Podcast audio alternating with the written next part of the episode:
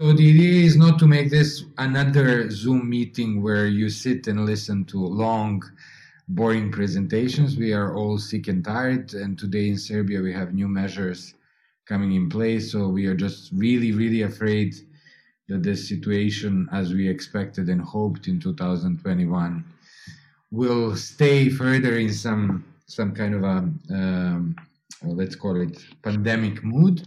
So we decided to uh, do something about that and to try uh, start working and using Zoom and the other uh, online digital options to actually follow up communication and get ready for the wonderful moment in 2022 when Belgrade Pride will be actually Europe Pride and when we expect all of you and many more people in Belgrade, and when we expect to send very strong messages uh, um, to our government, but also other governments about uh, very specific and important uh, things for the whole community, but also, I would say, for, for all of us personally present on this call.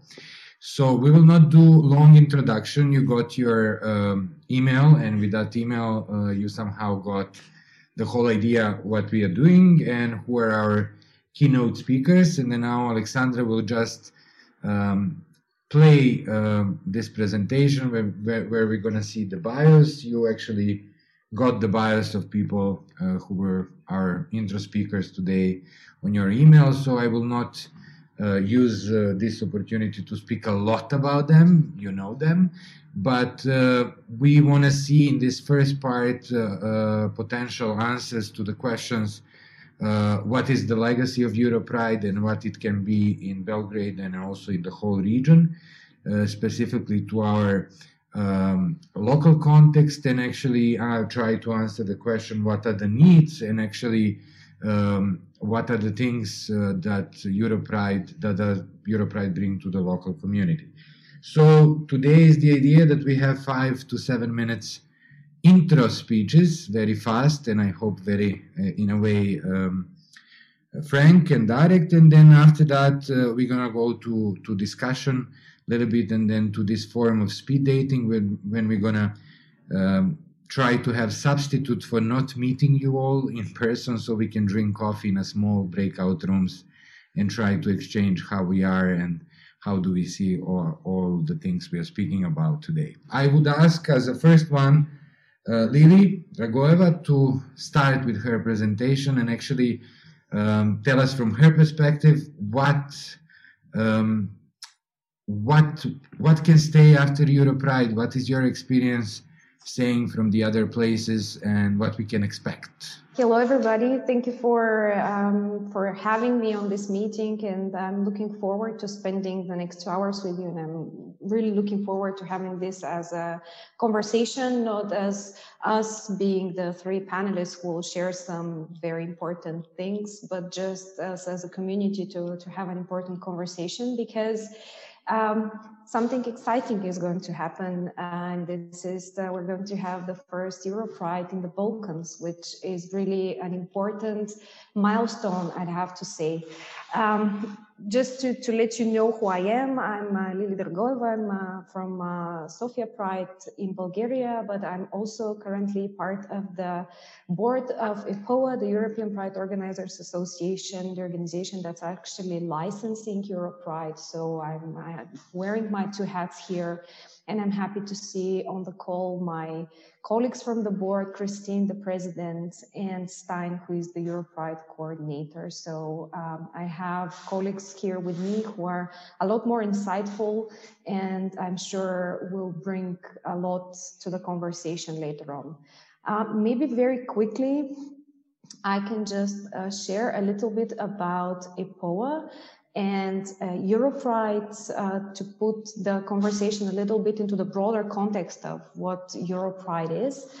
Um, so actually, next year, EPOA is celebrating its 30th anniversary. Um, it was uh, founded in 1992 by Pride organizers uh, in Amsterdam, Berlin, Berlin, and London. And since 1992, uh, Euro Pride has been licensed every year. So um, not only we're going to have the first Europride happening in the Balkans, but it's also an anniversary year for the entire organization.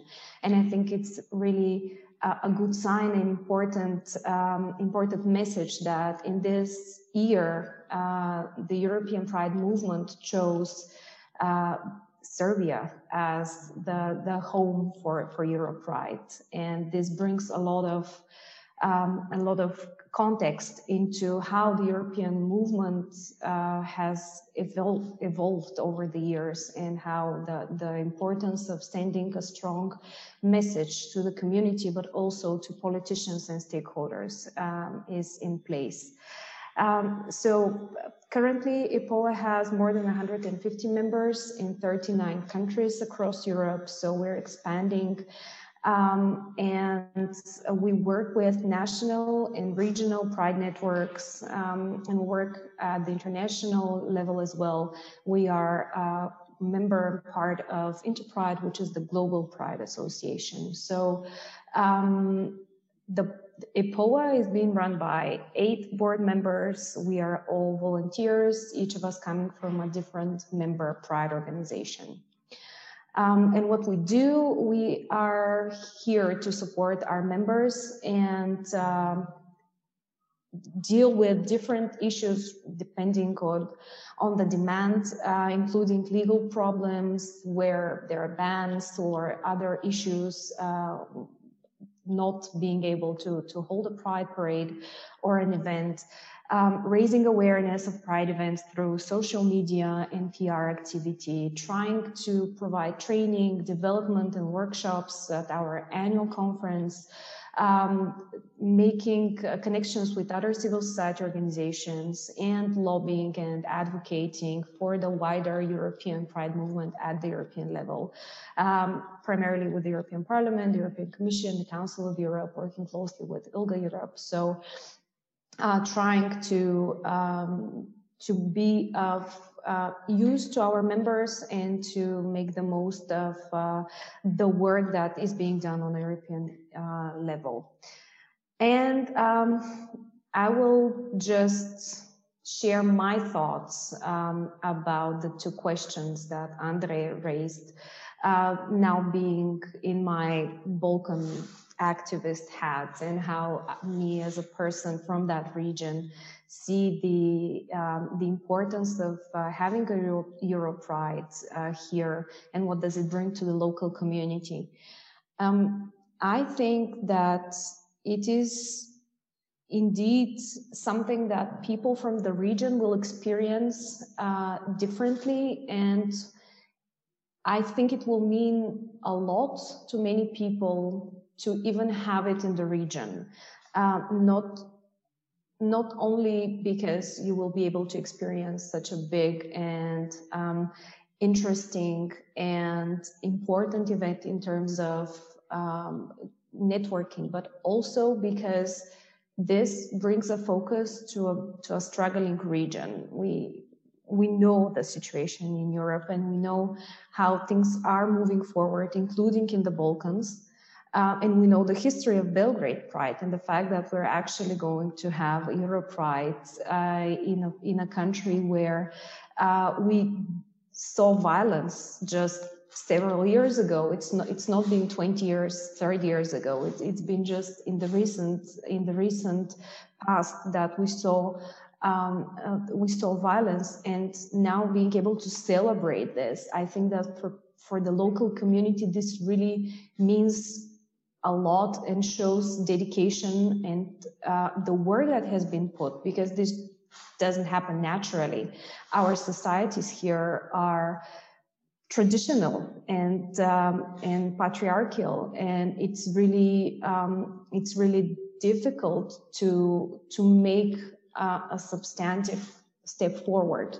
And for me, the local community seeing this really shows uh, the effort that activist organizations have put and that actually it makes a difference when you put the effort and that politicians, stakeholders, journalists, the entire society can learn and can grow. And for me, this is the main message um, that it will bring to the local community. It will bring hope and it will empower more people to be more active because you can, in, in just the time span of several years, see how your work makes a difference. Um, and so the, the legacy, I think that um, for the region, but also for European pride movements, um, it is a milestone that we're having Europride in the Balkans, as it was a milestone when we had Europride in Riga, um, and when we had Europride in Poland. So for me, um, the pride movement needs to be where it's needed. And this is a region that needs uh, support, solidarity, and um, hope. And I think that it will it will have that important stone in history um, that Europride brings this this support and solidarity in in a, in a region where it's really needed at this moment in time. And my countdown says that I'm out of time. Thank you. Thank you for this. Um, before before Belgrade calls Thessaloniki, uh, then I will kindly ask everybody if you want to comment something, please use the chat uh, so the speakers can see your reaction. Sometimes it's very hard to speak in front of your computer. So let's try to help those people who are speaking with maybe our comments, or maybe we can send them just hearts and hugs uh, now virtually. So now Belgrade is calling Thessaloniki, and uh, as it is uh, in 2024, if I'm not wrong, we're going to be coming there. But before that, you all will be in Belgrade if not in 2021 we hope also yes but then in 2022 so also from this regional perspective as a follow-up of what we heard what is actually your perspective on what europride brings to, to this our part of the of the europe of the world? So apostolis thank you. Thank you as well. And um, in fact Belgrade um, took over from Thessaloniki because of this uh, uh, of the cancelled Europride in Thessaloniki. Uh, now Belgrade is the first Orthodox world city to host a Europride. Is the first Balkan city to host a Europride. but never mind. We think that yeah, we are all in it. We I also feel that. Belgrade Pride, Belgrade Europride is ours as well. And um, I really believe in, I strongly believe and that's why I was an ardent supporter of it, that uh, the benefits would be multiple and we could um, go on on a very long list how the local and the regional community and the European community would benefit. But um, I think that all these arguments can uh, be melted down to uh, the argument, let's say, that uh, we get, once we get Europride, uh, we get as an organization, as a local organizer, an important advocacy tool.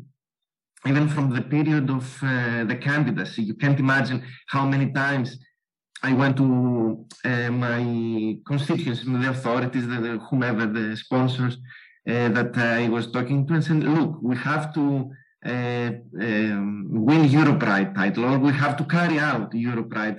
Uh, that's why we have to do this and that." And generally big events uh, is a strategic choice for um, uh, in order to trigger change, to give, um, um, to provide motivation for change. Because once you get uh, Europride, you you don't have behind your agenda. You don't only have the, your local community. You don't represent the whole uh, your local community, but the whole European movement, the whole European LGBTI community. And this is a very strong argument both to the authorities and to um, the society, I would dare to say, because they are all of a sudden they are not only accountable only to their um, uh, to, to, to, the domestic public opinion, they are exposed uh, Europe-wide. And uh, let me give you an example. I always love this example. Uh, in 1997, uh, if I'm not mistaken, the then uh, reformist government in Greece won the bid for the Olympics, 2004 in Athens. Yeah, and back then Greece lacked a lot um, in infrastructure. there were no highways, no Athens had no metro, um, and that was a big uh, argument for the um, uh, other candidates. But the uh, wise government then used this as a um, motivation, as an argument for the corrupted rank and file politicians that, you know, look, now we have um, a national goal to achieve. And let's focus, let's uh, stop um, wasting money here and there to your buying votes. We have to focus, and, and that was apparently um, national goal, so they had to comply. They, they, they couldn't um, fool around. And I think this is, uh, we can see the same thing in uh, Europride. And this is how you can touch also the patriotic strings of uh, uh, the constituencies that, you know, we, uh, we are exposed to the whole Europe. Um, and I'm always, um, I, I remember how the Croats back then when uh, the first Belgrade Pride uh, was cancelled, they went to their politicians and they look, uh, do you want us to look like uh, in Belgrade? No, let's have pride. Now we can use it that uh, we have to move forward, you Serbian politicians, we have to move forward to, to show that we are better than the others. So it's a kind of um, competition. And I, I really, um, fun aside, I really believe that uh, Serbia can assume this leading role, not least because, um, you know, uh, we still function on this uh, regional level, as uh, uh, it is very often called. Um, that, uh, for for example, when Sarajevo, when Bosnian Pride or Skopje Pride was about to take place, they uh, they were very skeptical because of what happened to Belgrade. So we still have this Yugoslavia as a single cultural space. Uh, apparently doesn't exist as a state, but as a cultural uh, space, it is still there and can uh, affect and can uh, bring change and inspiration to the rest of Yugoslavia and to the rest of the Orthodox world because we have these connections to Russia and we all know how this uh, how the conditions are hard there. We can strong uh, we can uh, draw parallel. Um, and with regard to legacy, I would say that uh, yes, Europride um, strengthens the capacity of uh, the organizers of the um, civil society locally, uh, but it's not an uh, automatic procedure. It doesn't mean that if we have, if we host a successful Europride, that will be the solution for everything. We have to make use of what Europride, uh, Europride will bring. We don't, we cannot lie back and say, okay, now uh, everybody will um, accept us or uh, they will um, yeah and if, if i am to bring again the the example of the greek olympics if you if you ask many greeks today they will say ah the olympics was a disaster because uh, uh, it's one of the top reasons why we went bankrupt uh, a few years ago. But the reality is that the olympics was a very successful uh, the Olympics 2004 was very successful uh, games, but they failed to cash in. They failed to take advantage of the legacy, and um, uh, we couldn't. Um, uh, and we couldn't uh, go further. So um, in my opinion, what would um, uh, bring a strong legacy to uh, what would uh, what could keep the legacy, keep up the legacy of Europride is my eternal vision for Balkan Pride, and I keep saying that uh, every time I'm in such a forum. Yeah, yeah, because um, first of all we have this the next goal. Okay, we achieve this, so we go further. Balkan Pride can build on our common identity because very few um, areas in Europe that uh, span more than one state have this identity. We can bring positive connotations to this identity because up to now it is usually associated with violence. We can show that this is uh, that support for the LGBTI agenda is not a Western thing. It's it comes from inside, um, and uh, can uh, unite and strengthen the movement that the movement that has a very good momentum now. Uh, now we have every country in the region has uh, its own pride, and uh, that would, I think, um, be the next step to to cash in to take advantage of the benefits that Europride in uh, Belgrade and later in Thessaloniki can bring. We can build, we must build on this legacy. Thank you, Apostoli. I will uh, repeat that if you have any question or comment, uh, you can write it in the chat uh, and I will later uh, read it to our uh, dear key speakers. we have Bekim now commenting this Pride should be a political protest, not a party. Uh, so if you if you have anything to say, please feel free to write in the chat. Uh, and now we go to our third uh, speaker, Marko Mihailović, in front of the Belgrade Pride and Pride Society. Hello, everybody. Uh, I want to thank you all for being here, especially the president of EPOA Christine, who is using the Belgrade uh, Euro Pride Cup. Uh, and before we go on, I would really like to say something to Bekim, who said that Pride should be a political protest, not a party. Yes, we agree but we believe that uh, pride is something celebrate and we demonstrate. It is very important to focus on the issues, especially in countries such as the countries in the Balkans, where we are facing a lot of differences and a lot of inequality. But it's also very important to give an opportunity to members of the community to celebrate their exist- existence, especially the ones who have come from a very bad background and have successfully fought the oppression to become out people and who live freely and openly. So that's a really short answer, but I really think that we must remain focused on the human rights issues.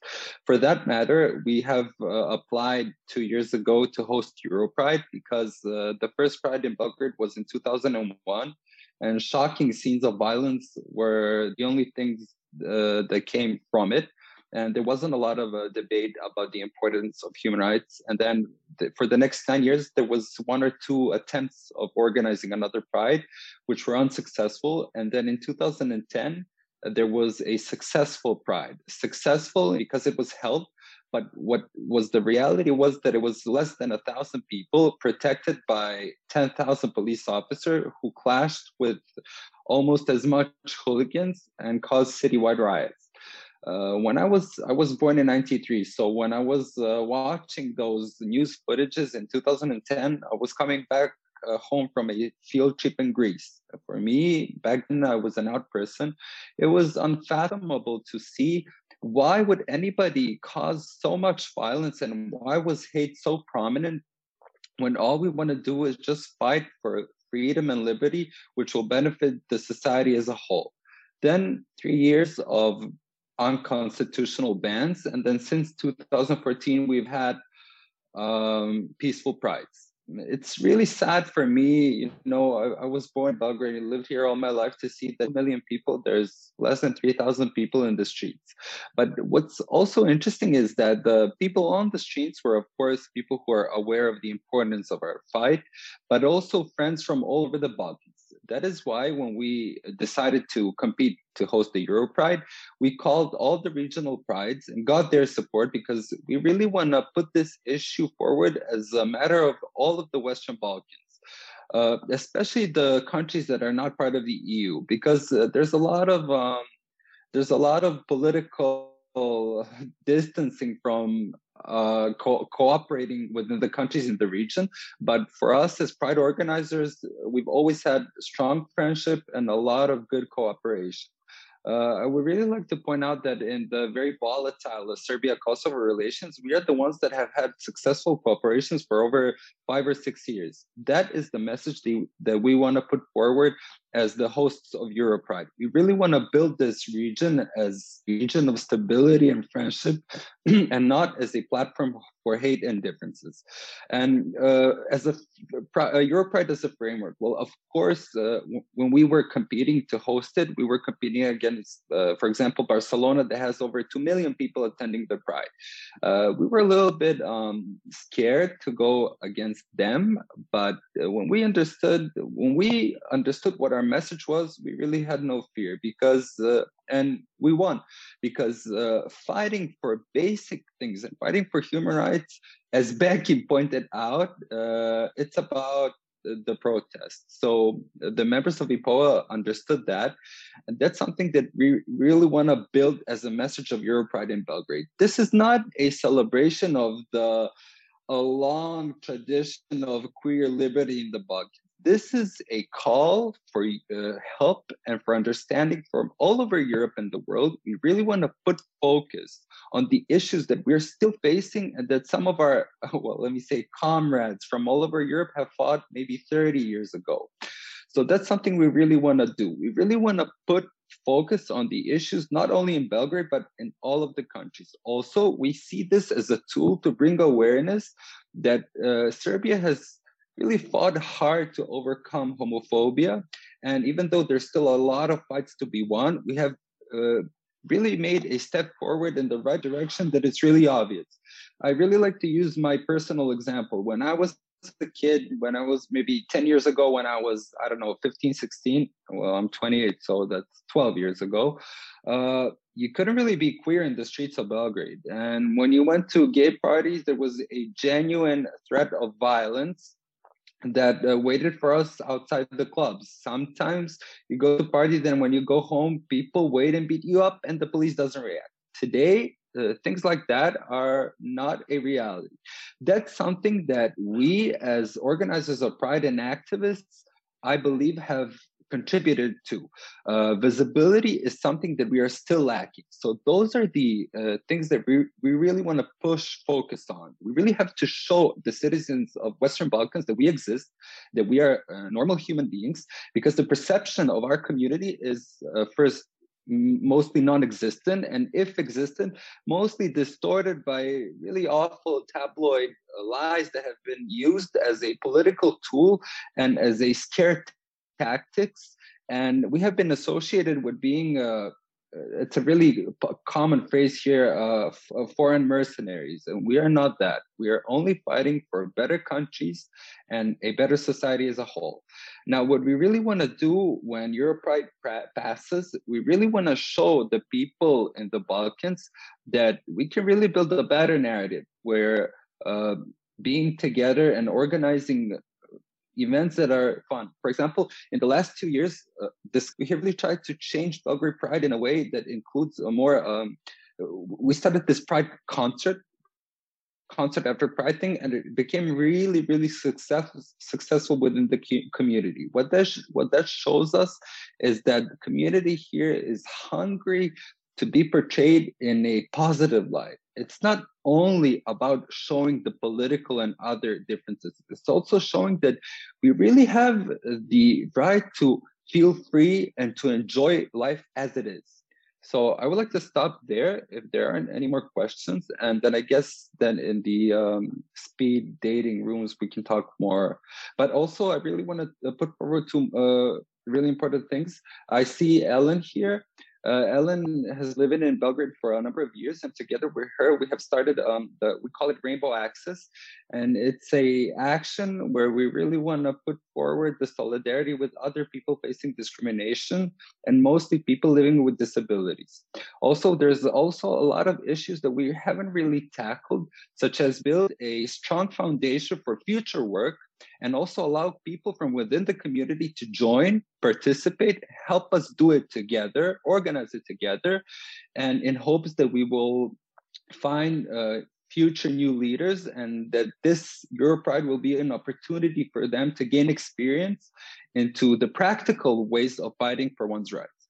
I want to thank you all, especially Heartefact, for organizing this, and I'm looking forward to the uh, speed dating rooms. Thanks. Thank you, Marko, for all of those things. Also, thank you, Bekim, for your comments and chat. For those who didn't see it, you can read. Uh, uh, Marko already reflected on some of them. So if um, if there is and there is a little bit of time uh, in this plenum, let's call it like that, uh, to to discuss maybe for five seven minutes, and also for our guests, uh, the speed dating forum is really good forum to exchange more and have more time to more personally discuss all of those issues.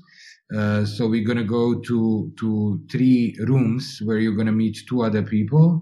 Uh, we made this um, division in the groups by some uh, very strange mathematical uh, uh, way. We decided to do it in this way because it's very good to run to a, in elevator to some people whom you didn't expect to meet, so maybe something will happen.